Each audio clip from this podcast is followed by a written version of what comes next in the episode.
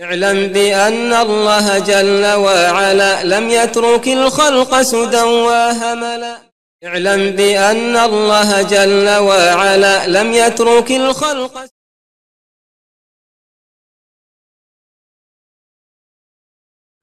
بسم الله الحمد لله الصلاة والسلام على رسول الله استعين بالله لا حول ولا قوة إلا بالله. اللهم لا سهل إلا ما جعلته سهلا وأنت تجعل الحزن إذا شئت سهلا. اللهم أرنا الحق حقا وارزقنا اتباعه وأرنا الباطل باطلا وارزقنا اجتنابه. ولا تجعل الحق ملتبسا علينا فنضل. اللهم آت نفوسنا تقواها وزكها. أنت خير من زكاها أنت وليها ومولاها. برحمتك يا أرحم الراحمين. ربنا لا تزغ قلوبنا بعد إذ هديتنا وهب لنا من لدنك رحمة. إنك أنت الوهاب. اللهم يسر ولا تعسر. Allahumma barik wa tamim bil khair. Sva hvala i zahvala Allahu gospodaru svih svjetova. Salavat i salam na Muhammeda, poslanika njegova i na sve one koji se drže Allahova užeta do sudnjega dana. A zatim nastavljamo sa komentarom ove mubare knjige koja skoro cijela sadrži u sebi u 99% slučajeva ajete iz Allahove knjige i hadise poslanika Muhammeda sallallahu aleyhi ve sallame poredane po tematskim cijelinama, a koje su opet vezane za pojašnjavanje onoga što negativno utiče na tevhid. Pa smo došli do jedne grupe poglavlja koja govore o usmjeravanju određenih vrsta ibadeta nekome sam Allahu subhanahu wa ta'ala pa kao što je u prošlim poglavljima vrijedilo pravilo koga ćemo?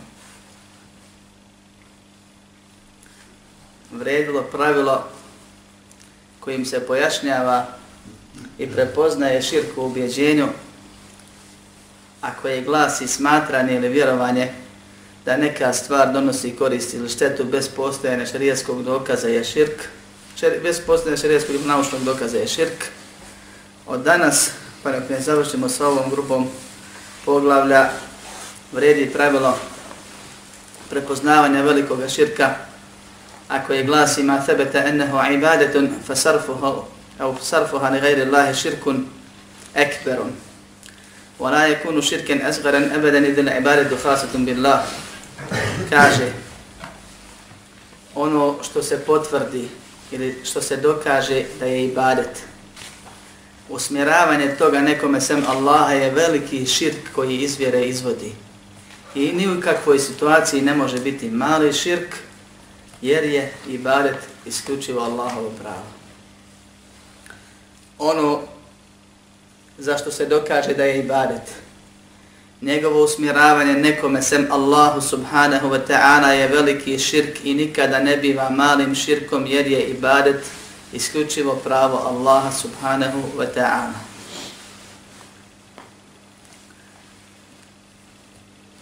Pa je šeheh, rahimahullah, počeo sa jednom vrstom ibadeta koja se zove prenošenje žrtve ili kurbana. Kaže, bab ma džaje fi dhebhi li gajri Allah. Poglavlje o tome šta je došlo, to je preneseno, po pitanju prinošenja žrtve ili klanja nekome sam Allahu subhanahu wa ta'ala, to je klanja kurbana tako pogrešno ne sveti. Poglavlje o tome šta je došlo ili šta je preneseno od šarijaskih tekstova i Allahovog suda prema onome ko to radi. Po pitanju edzeb li gajri Allah prinušenje žrtve nekome sem Allahu subhanahu wa ta'ala. Prinošenje žrtve po definiciji je ispuštanje krvi oštrim predmetom, spominjući ime onoga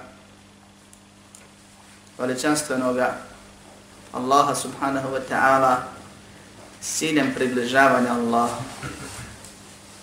To je ono što je ibadet. A postoji vrš više, više oblika klanja, životinje, neki se to rade s ciljem ibadeta, neki se rade s ciljem ibadeta nekome sam Allaha pa ti u širk padnu, neki se rade iz adeta, zato što je to dozvoljeno kao što čovjek zakode hajvana, kokoš i tako dalje, zaradi mesa. Neki se rade zbog posebnih prigoda koje su dozvoljene, a neki se rade zbog specijalnih prigoda koje su novotarske izmišljenje.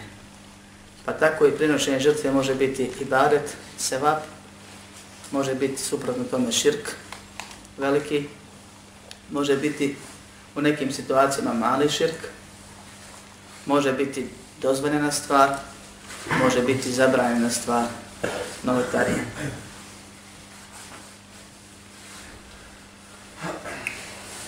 Kaže, i riječi Allaha subhanahu wa ta'ala قل إن صلاتي ونسكي ومحياي ومماتي لله رب العالمين لا شريك له وبذلك أمرت وأنا أول المسلمين Reci, namaz moj i obredi moj, odnosno žrtva moja, i život moj i smrt moj, moj pripadaju samo Allahu, gospodaru svih svjetova koji nema sudruga. Tako mi je naređeno, ja sam doista musliman. Ja sam doista prvi od muslimana. Kaže Allah subhanahu wa ta'ala objavljuje i naređuje svome poslaniku Muhammedu sallallahu alaihi wa sallam da kaže, pa je rekao, zaista namaz moj, to je svaki namaz koji gradim, farz ili na fila, i nusuki, a ovdje je nusuk došlo u značenju, inače osnovno se provodi kao obredi, ali je došlo u značenju, kao što to spominju komentatori Kur'ana, među njima imam Fesira ibn Đerire Taberi i drugi, da se ovdje odnosi na poseban obred, jer postoje nekoliko obreda u islamu, a to je obred prenoženja žrtvi, klanja kurbana. Dakle, namaz moj, i kurban moj, i život moj, i smrt moj, pripadaju samo Allahu, gospodaru svih svjetova. Pa Allah subhanahu wa ta'ala ovdje veže i poredi dva posebna ibadeta i veže ih za sve ono što čini čovjeka čovjekom, a to je život na dunjalu koji život vječni na ahiretu izdvaja dva ibadeta koja su mu posebno draga. I naređuje poslaniku sallallahu alejhi ve sellem nakon što su mušnici vidjevši ga kako klanja pred Kabe, optužili ga da se pretvara.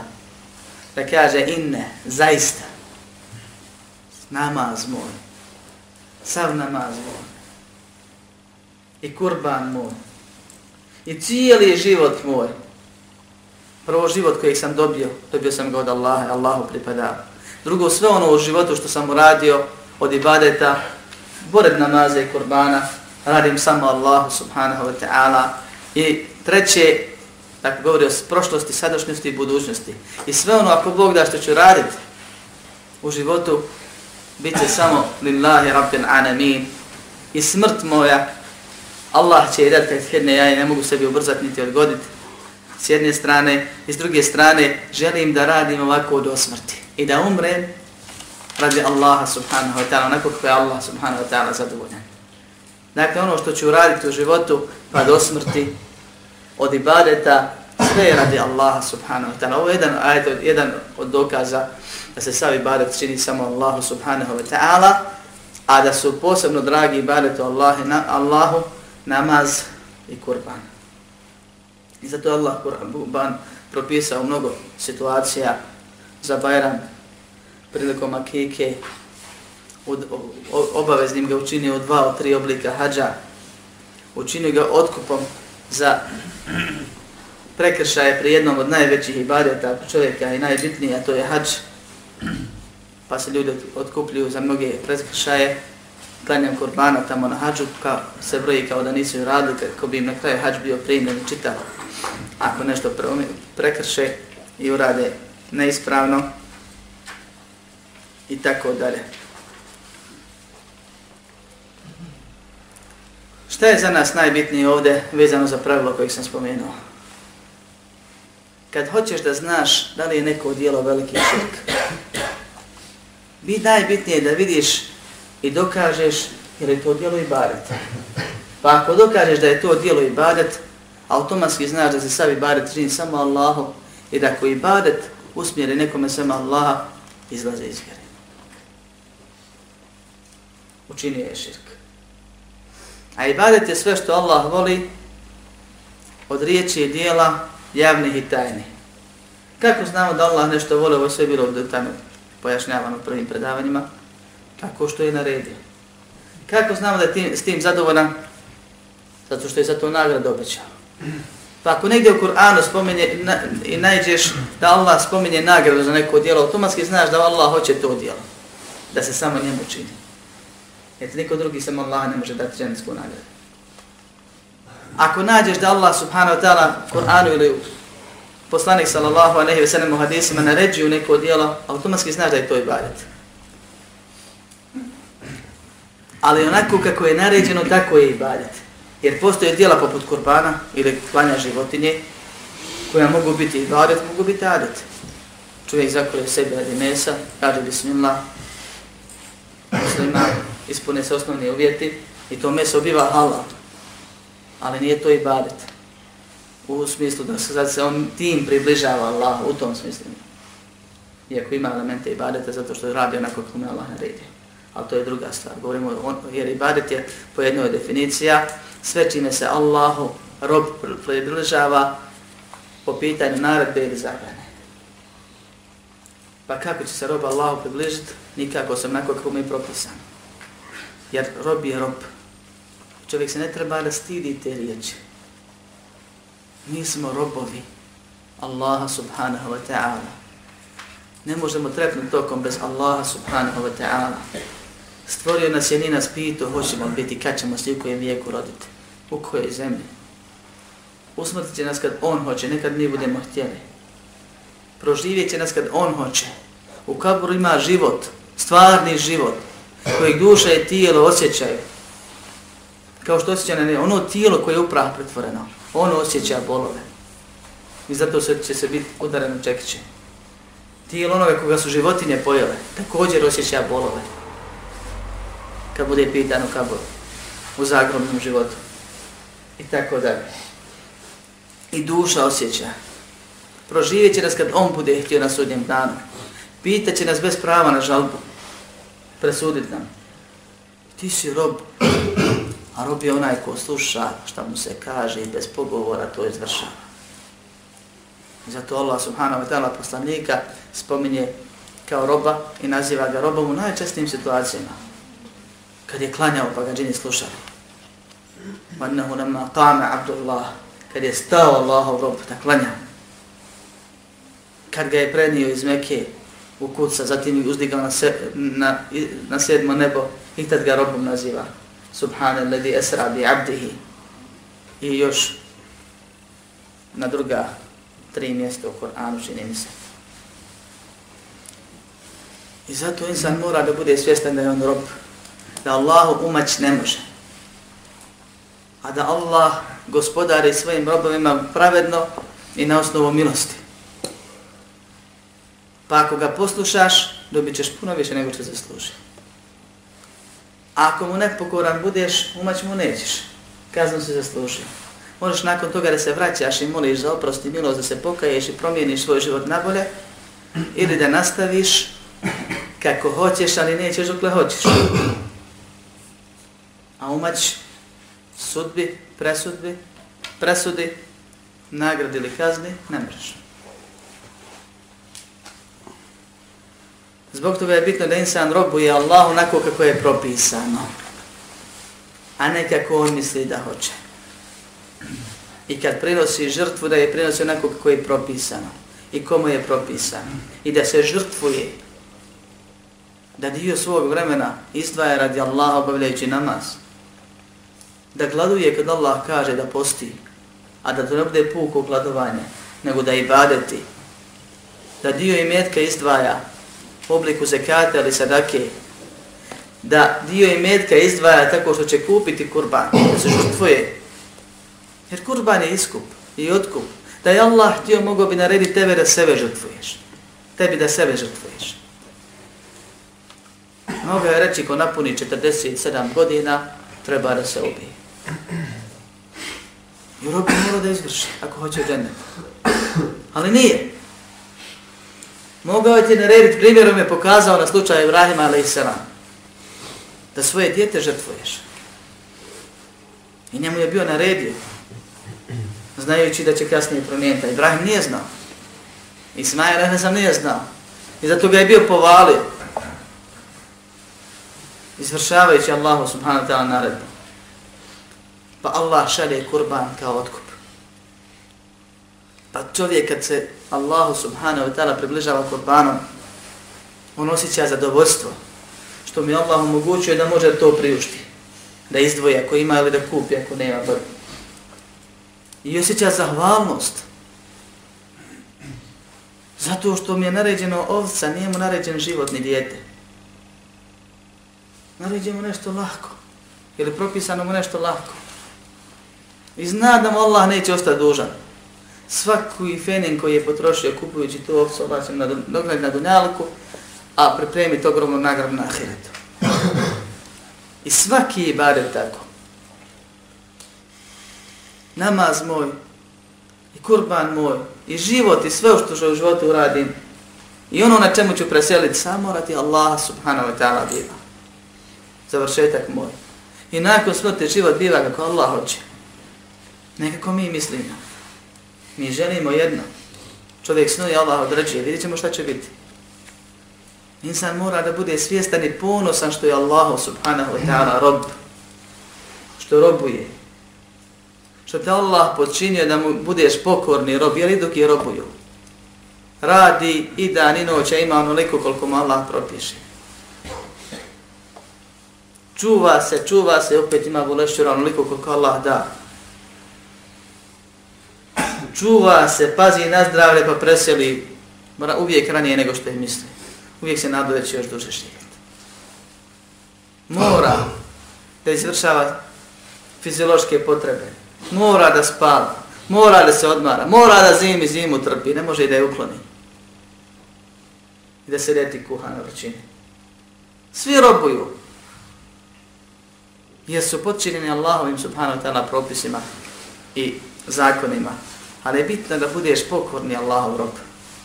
Tako što ćeš raditi ono što ti je naređeno, Allah nas stvorio da činimo ibadete i to samo njemu sve.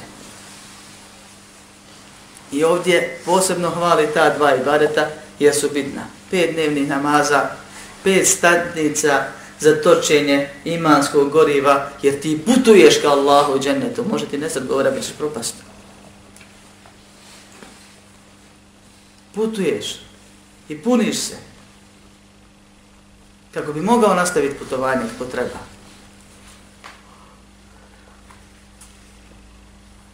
Kaže, reci sav namaz moj i žrtva, odnosno kurban moj i život moj, smrt moj, lillahi rabbil anamin. Pripadaju samo Allahu koji gospodari svjetovima. Svijet je nazvan Alem, Alem od Alem, zato što je na alamet koji ukazuje na nešto. Pa sve što vidiš među stvorenjima, sve je znak i ukazuje na stvoritelja. I to jednog jedinog. Pa kad vidiš nešto lijepo od stvorenja, kaže subhanallah, sjeti se da je Allah ljepši od toga. To je neuporedivo, jer njemu ništa nije slično. Kad vidiš nešto veliko od stvorenja, pitaš se koliki je onda stvoritelj. Pa se upitaš i koliko je moćan da stvori ovako nešto.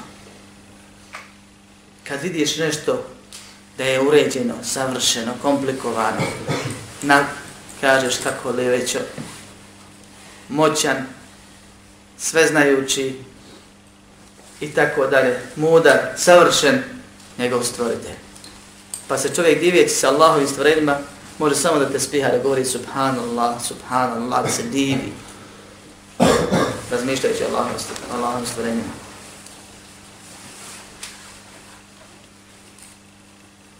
I sva stvorenja su alamat, alameti koji ukazuju na stvoritelja. I zato Allah u Fatihi, subhanahu wa ta'ala, i na mnogim mjestima sebe naziva gospodarom svih svjetova, tako se prevodi kod nas, to je gospodaru stvorenja koji ukazuju na stvoritelja. Jer taj je oblik upotrebljen. Iz toj osnove izvedena. La šarike le, nema mu sudruga. U čemu? Molim? Po tome što je učen gospodin, ko učemo je Allah s jedinstvom. A to su? Po njemu gospodarstvo, rububije. Savršenstvo, gospodarstvo i pravo na ibadet.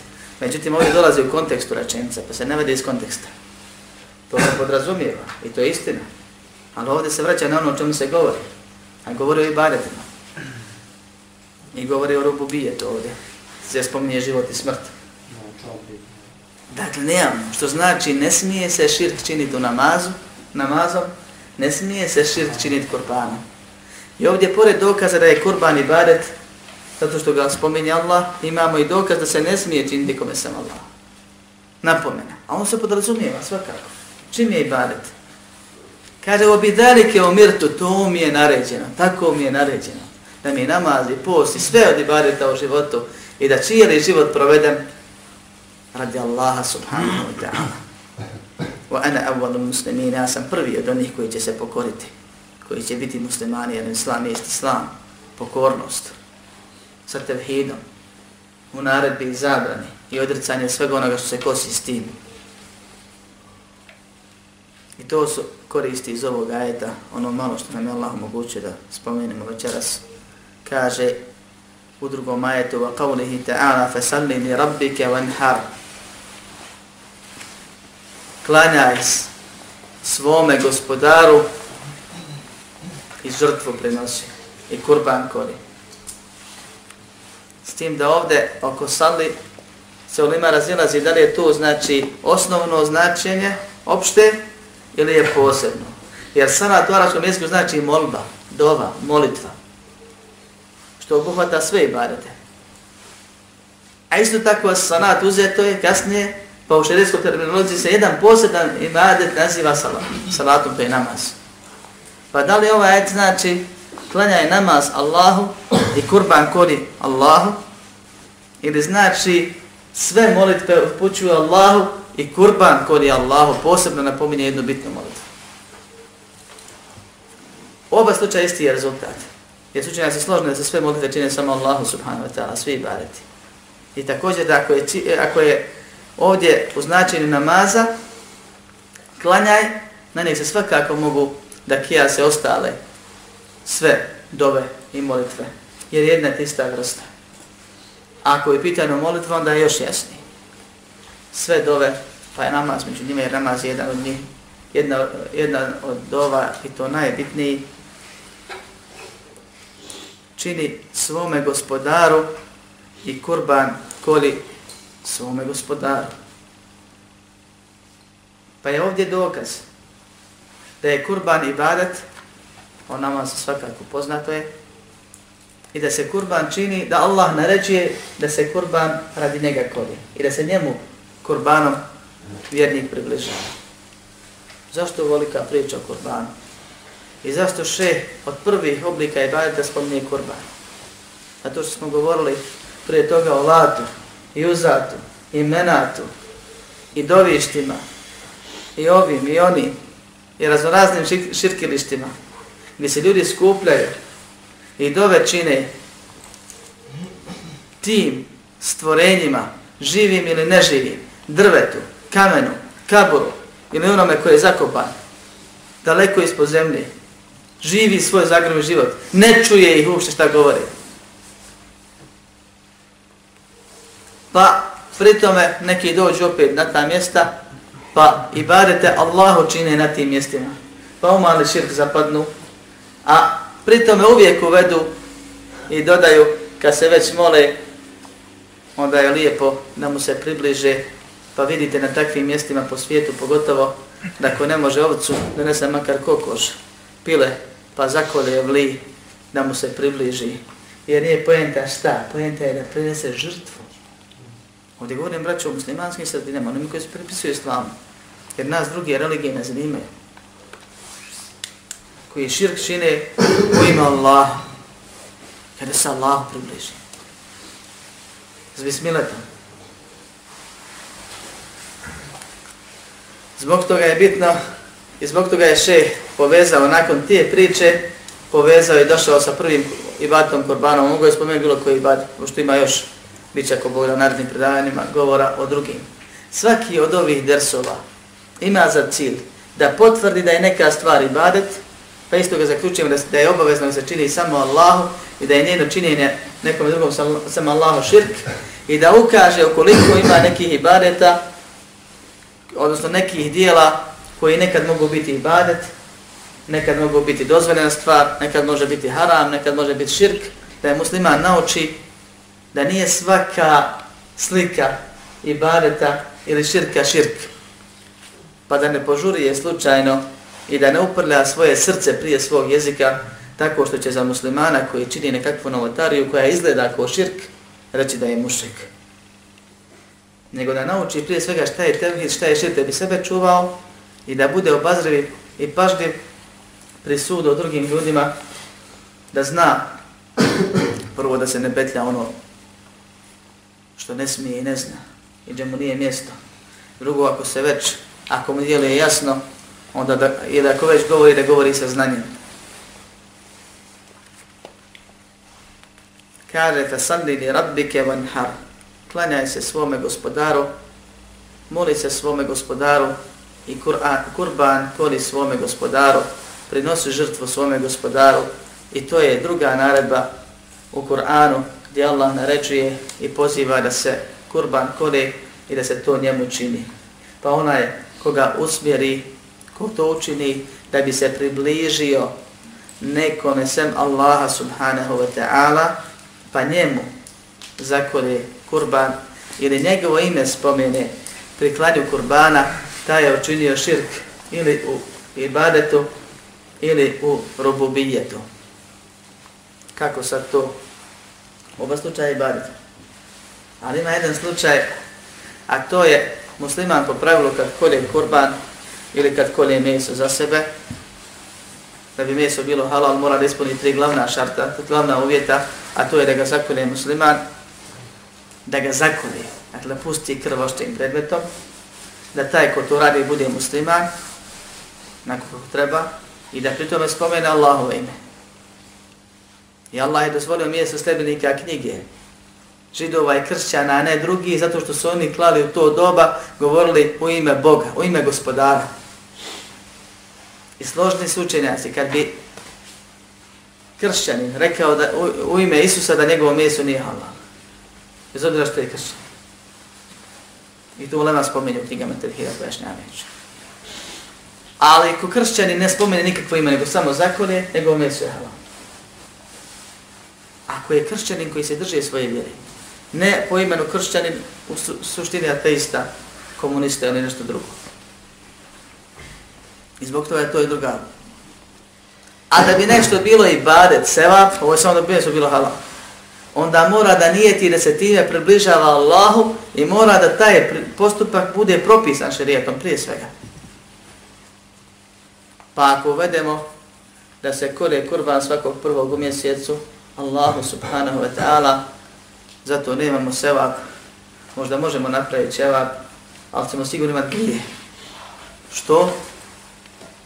Zato što takav postupak u šerijetu nije propisan. propisan. Nije širk, Ja se molim Allah. Sve bismillah, musliman zakore kaže bismillah, u ima Allah, hoće se vapa od Allah, ali je uveo nešto što nije bilo propisano.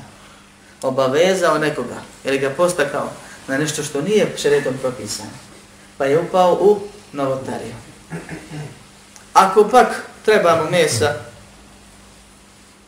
kaže za sebe da je veliki mesožder, pa uzme, kupi, i zakone sebi, kaže bismillah, Allahu akbar, zakone fino, kako je propisano, jede, to se smatra dozvoljenom stvari. Ako to radi radi akike ili radi kurbana, ili radi hađa, onda se to smatra ibadetom. Jer tada Allah naredio i propisao. Pa tad klanje kurbana biva ibadet. U prvom slučaju klanje životinje biva dozvoljena stvar, prijetno. Onom prije njega novotarija, zabranjena stvar.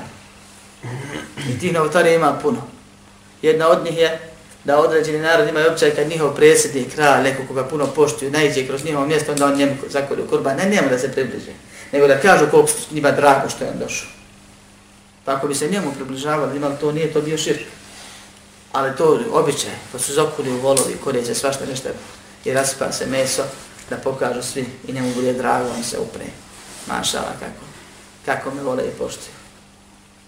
A kad im nešto uskrate, odmah revoluciju dižu, ali to je sad drugo pitanje. Ali ono što je najbitnije ovdje da znamo, a to je četvrti slučaj, jer već znamo da kogod učini neki ibadet nekom sam Allah da izašao iz vjere i da je to širk, da onaj ko bude činio ibadet Allah na mjestu gdje se čini ibadet nekom sem Allah, a o tome će, ako Bog da je detaljno govoriti u sljedećem predavanju, da taj čini novotariju i mali širk, ali da nizlav da izvjeri. Makar se okrenuo prema tome. Jer je širk i ibadetu šta? Veliki širku izvodi izvjeri. Usmjeravanje ibadeta nekome sem Allah. Približavanje toj osobi, tom predmetu, um, umjesto Allahu subhanahu wa ta'ala. Pa kad ljudi kažu da je sevap na evatovici zaklat kurban i okrenu se prema Eva Zedi, na primjer, ili sevap zaklat u kajimijenim danima 40 kurbana, ili sevap nekakvim begovima zaklat kurbane, oni su propisali nešto što u vjeri nije propisano, ali su s obzirom da oni pod kurbanom podrazumijevaju približavanje Allahu subhanahu wa ta'ala, ako podrazumijevaju, kaže se da nisu izašli iz vjere, nisu širku činili. Veliki. Ali nisu mali, jer smatraju da je tu sevapnije nego na drugom mjestu. Ili da je tu sevap nego na drugom mjestu, pa, se, pa ne potpadaju pod ovo pravilo koje sam spomenuo na večerašnjem predavanju, nego na pravila koja su prije spomenuta, a to su znači smatraju da neka stvar koristi šteti bez naučnog ili šerijskog dokaza. Ovdje korist seva nagrada, za nju treba šerijski dokaz, oni ga nemaju i onda se kaže da je to novotarija. I zato se desi da sihirbaz kad hoće da navuče onoga svog mušteriju nakon što ga dobro finansijski odere onda ga još pokušava izvjere da izvede, da mu bude jaran u džehennemu, pa mu kaže, idi prije sabaha na taj taj kabur i zovi tog mrtvog, nek ti pomogne i zakoli mu pilo, pile, mačke, milo šta, uzmi hljeba, pokam ima svašta. Uzmi hljeba, ako ništa, pa odnesi ribama, pa ne, ne, ne kaže na hrani ribe se nego imam tu procedura kako će ti njih moliti, pa im hljebom, hljebom ih podmititi i tako dalje, onda je to širk koji izvodi iz vjeri. To dijelo.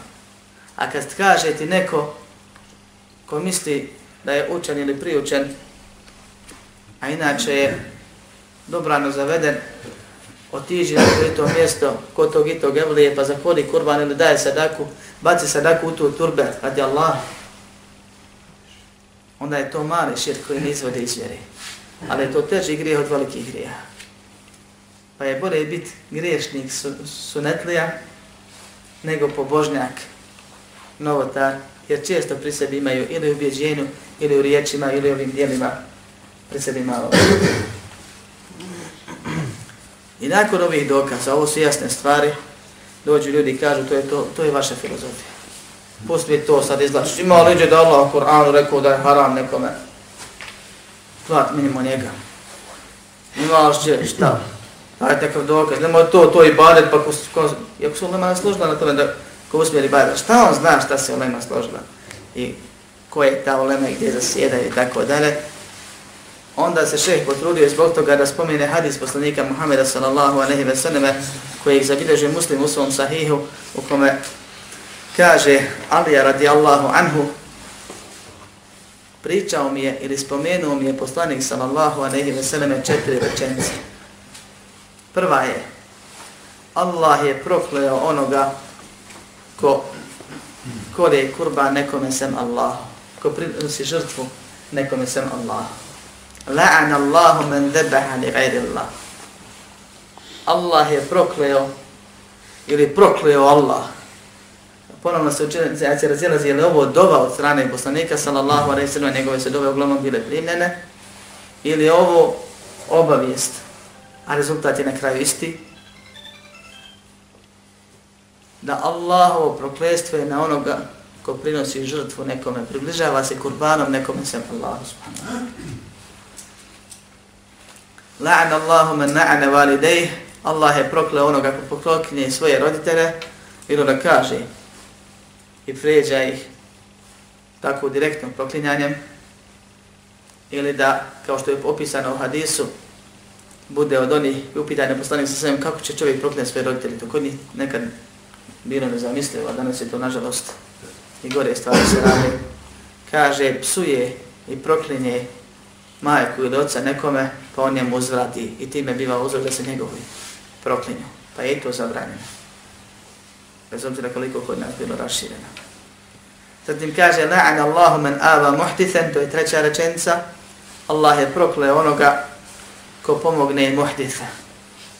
Ah, muhtith je od ihdath.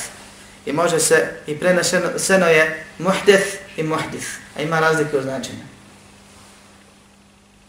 Pa je muhdith onaj ili ono zabranjeno djelo koje se uradi. Kao što je ubistvo, kao što je nerijed, kao što su raznorazne, slobodno možemo reći, haridžijske i terorističke akcije, pogotovo u muslimanskim mjestima, pogotovo u svijetim mjestima. Kao što je neko kad zasluži šarijasku kaznu da neko uspije da našteli kod kadije da se, ili kod vlasnika da se ne izvrši. I tako dalje. Sve se ovo tumači kao muhdet. Pomaganje čovjeka u velikom grijehu, u neredu. Ili muhdeth, a to je novotari, novotari. Hadis podrazumijeva jedno i drugo. Allahov proklestvo je na onoga ko pomaže, štiti, novotara i novotariju. Daje da se drži. Zadovoljan je s njom i tako da ne makar i ne radi. Što govore o opasnosti te stvari. Je Allahu man gajjera minara al ard. Allah prokleo onoga ko mijenja znakove na zemlje. Ko pomjera međe. Otima tuđe. Ili pak mijenja putokaze. Pa biva uzrok da ljudi zalutaju. A to je kod naše omladine česta pojava i oni misle da su face kad tako nešto urade. Kad pitaš čovjeka u gradu, stranom, u gradu koji nije tvoj, gdje se nalazi šta, pa to namjerno pošari na drugu stranu i hvata se za stomak ko smijeha. Koliko mi je drago što te navuko, kad kaže, a nije svjestan da na sebe Allahov poklestvo privuko. Da se vratimo na ono što je najbitnije, a to je Allah prokle onoga ko kurban kole ili žrtvu prinosi nekome sam Allahu subhanahu wa ta'ala ovo su riječi poslanika Muhammeda sallallahu alaihi wa sallam. A oni koji su uveli širk u umet, a to su rafidije, i oni koji posebno i najčešće slijede u širku umetu, to su oni koji su se duhovno oplemenili, koji smatraju da smo mi nekakvi bukvalisti, imamo samo vaštinu, oni su potrefili suštinu. Oni su dokučili vrhunac insan, ihsana koji se po njima te zove i tako dalje. Da su oni najčešći distributeri ove vrste širka umetu. A ne slazi im s jezika ljubav prema poslaniku i ljubav prema ehlubejtu. A šta rade? na kaburu Ibn Arabija u Damasku, od pilića pa do krupnije stoke, donose i žrtve mu, da ih on Allahu približi i prinosi. Na mnogim drugim mjestima, pogotovo po Africi, prije zikra, posle zikra, prvo da se malo uštijeli. Ne udu billah kod Allaha da sebi džennet naštijeli. Jer loše mišljenje Allahu imaju. Pa onda malo približe se nekome ko će ih sigurno, kažem, približiti Allahu, pa onda se malo i opuste. I tako dalje.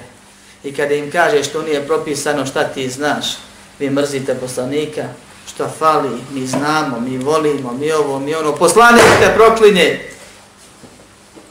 Taj kako je tvrdiš da ga voliš, on te proklinje i na Allahu prokletstvo na tebe izaziva. Kakva je to vjera?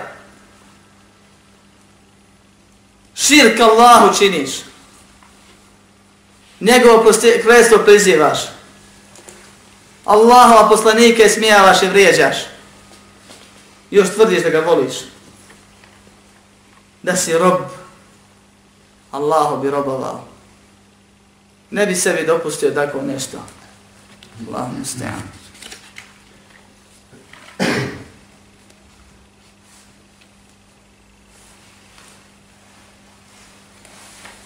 Pročitat ću hadis, a on se bi sadrži mnoge koristi, pa ćemo ako Bog da nastaviti kasnije sa njim u sljedećem predavanju, s obzirom da je poglavlje posle njega kraće, a u kojima se ponovno dokazuje da nije da nema smetni u tome da se nekome sem Allaha žrtva prenese, nego da je to opasno dijelo koje je džahennem izaziva, koji biva razlogom za džehennem. Kaže Tarik ibn Šihaba se prenosi da je poslanik sallallahu aleyhi ve sallam rekao Dehara al džennete ređenom fi dubabetin wa dehara al nare ređenom fi dubabin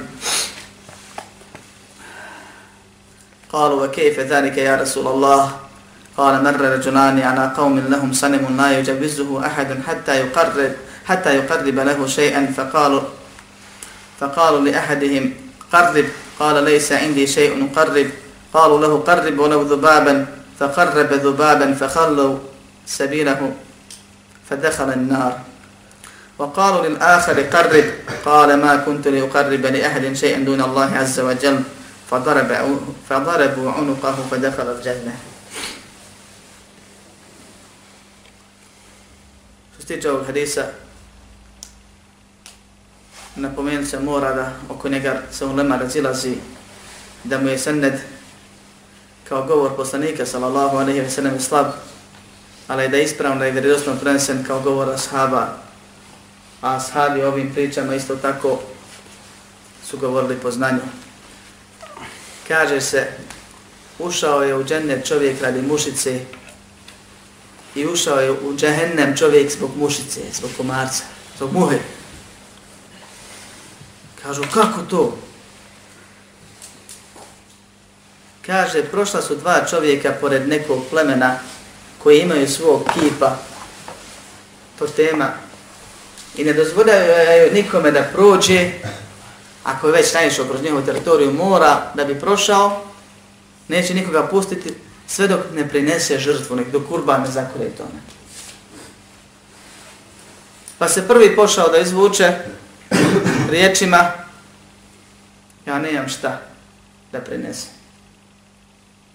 Pa kažu, uhvati mušicu pa je zakori. Nije njima bitno šta se prinosi.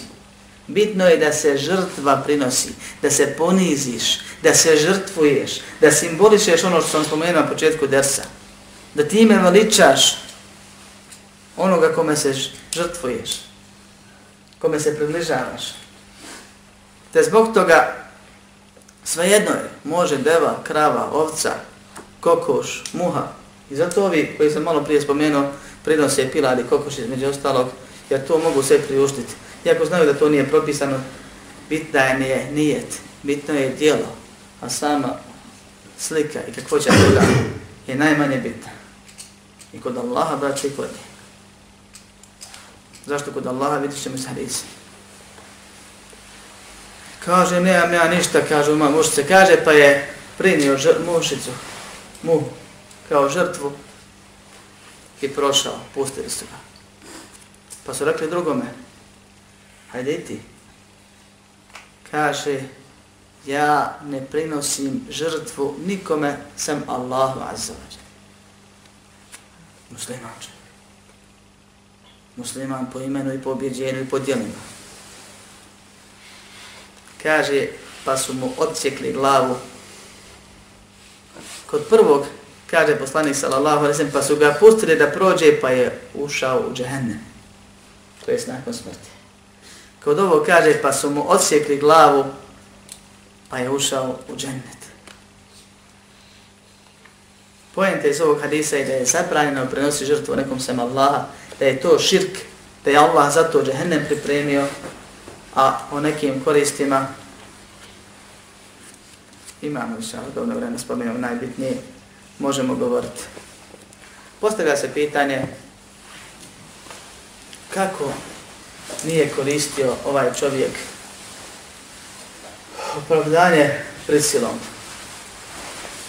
S obzirom da je Allah subhanahu wa ta'ala u Kur'anu rekao ko uznemiruje Allaha pa je onda izuzeo ono koji je prisiljen. Illa men ukrihe wa kalbuhu mutma'innun bil iman. Osim onaj koji je prisiljen i njegovo je srce čvrsto u imanu.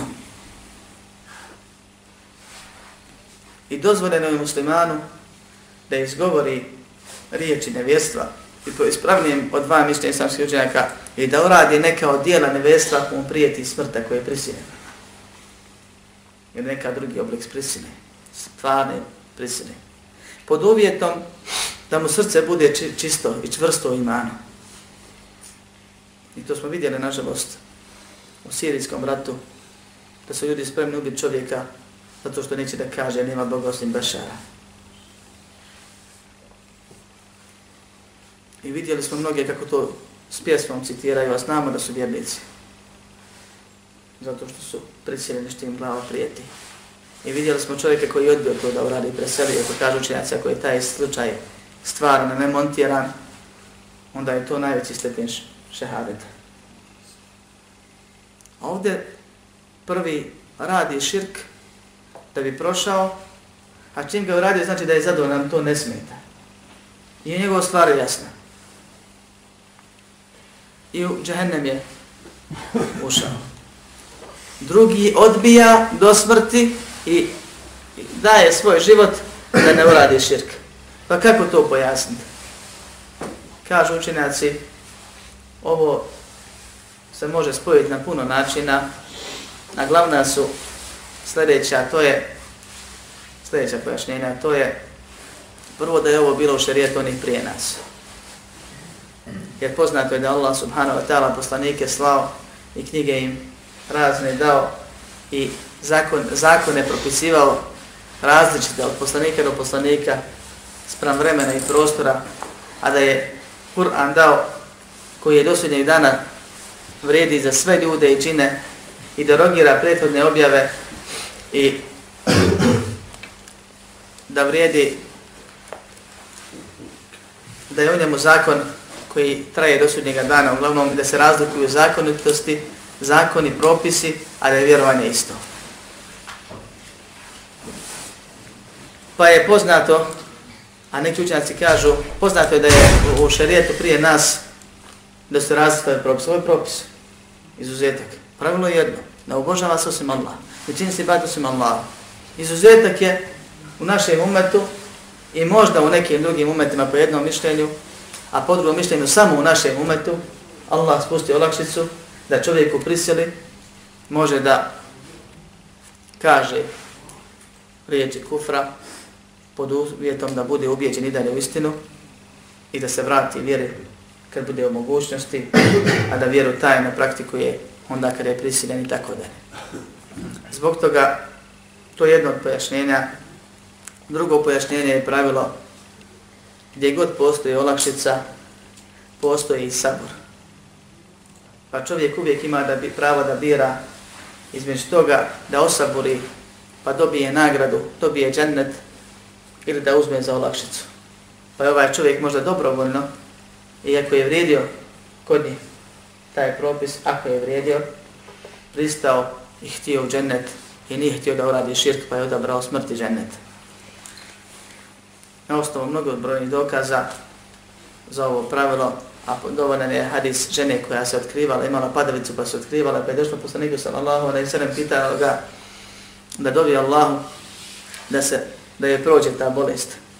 Pa je rekao joj, ako hoćeš osabori i dobit ćeš džennet zbog tog iskušenja, ako hoćeš dobit ću. Pa kaže poslanik, ja ću osaboriti, ali dovi Allahu da se ne otkriva u tom nesvjesnom stanju. Pa je dobio za nju, pa je bila iskušana tom bolesti do smrti, ali se nije otkrivala. Čuvala je svoju čast. Nije se otkrivala u nesvjesnom situaciju, stanju, a danas se otkriva i kad ih niko ne pita. U svakom slučaju, ono što je bitno da se zna i razine ovog predavanja je da kao što je namaz ibadet i post ibadet, također je kurban ibadet koji se Allah mora činiti onako kako je propisano, a ako se učini nekome sam Allah subhanahu wa ta'ala onako kako se Allah čini s ciljem približavanja, onda je to veliki širko koji izvod izvjere. Ako se pak čini Allahu na mjestu gdje se čini ibadet nekom sem njega ili na način koji nije propisan, to je novotarija ili mali širk ili stvar koja vodi ka širku, gdje postoji dozvoljena stvar poput klanja životinja radi hrane i tako dalje po propisima fikskim.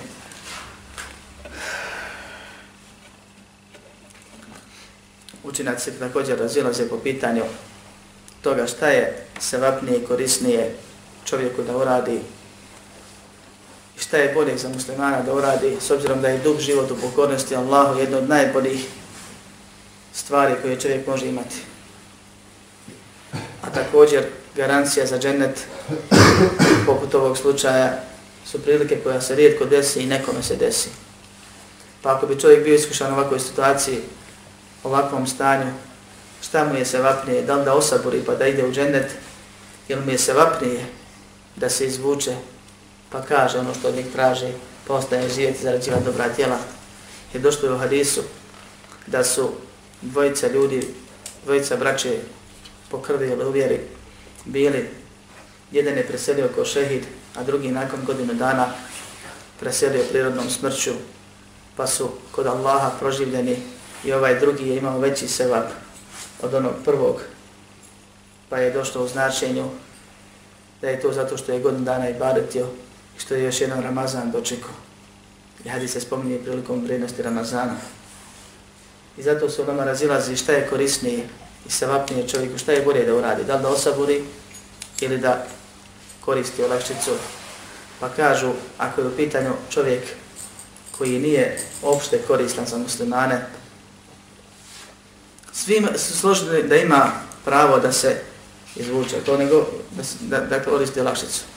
Ali ko nije koristan za muslimane svojim znanjem, svojim imetkom, svojim zna, ovaj, nekad je zvanjem, pozicijom, sposobnošću i tako dalje, da, da mu je bolje dio neka tvrdi da iskoristi tu priliku i da osaburi ako može, dok onaj čiji će život zaista biti koristan i dalje drugima, da je bolje da to uradi osim situaciji kad bi njegovo popuštanje uzrokovalo problem muslimanima. I bilo uzrok zabludim kod muslimana i zbog toga ima Mahmed kad je sam ostao osaborio fitni a učenjaci prije njega, ne znajući će to se svest na kraju na sve, do zadnjega, su popuštali koristili se olakšicu. Pa kad ih je ostalo malo, tačnije dvojica, jer je ne na putu do vladara, zatim je završio sam imam Ahmed, onda je on znao da popustit ne smije. Od je imao izbora više da onda popušta ili ne. Molim Allah subhanahu wa ta'ala da nas pomogne na iskušenjima dunjalka i ahireta, da nam kao što nas obuhvati svojim znanjem, da nas obuhvati svojom milošću. Molim Allaha subhanahu wa ta'ala da pomogne islam muslimane, oprosti muslimane i muslimankama, da nas učvrsti uvjeri i sastaje u džennetu ko što nas sastaje na dnjalku. Amin. Walhamdulillahi rabbil alamin. اعلم بأن الله جل وعلا لم يترك الخلق سدى وهملا اعلم بأن الله جل وعلا لم يترك الخلق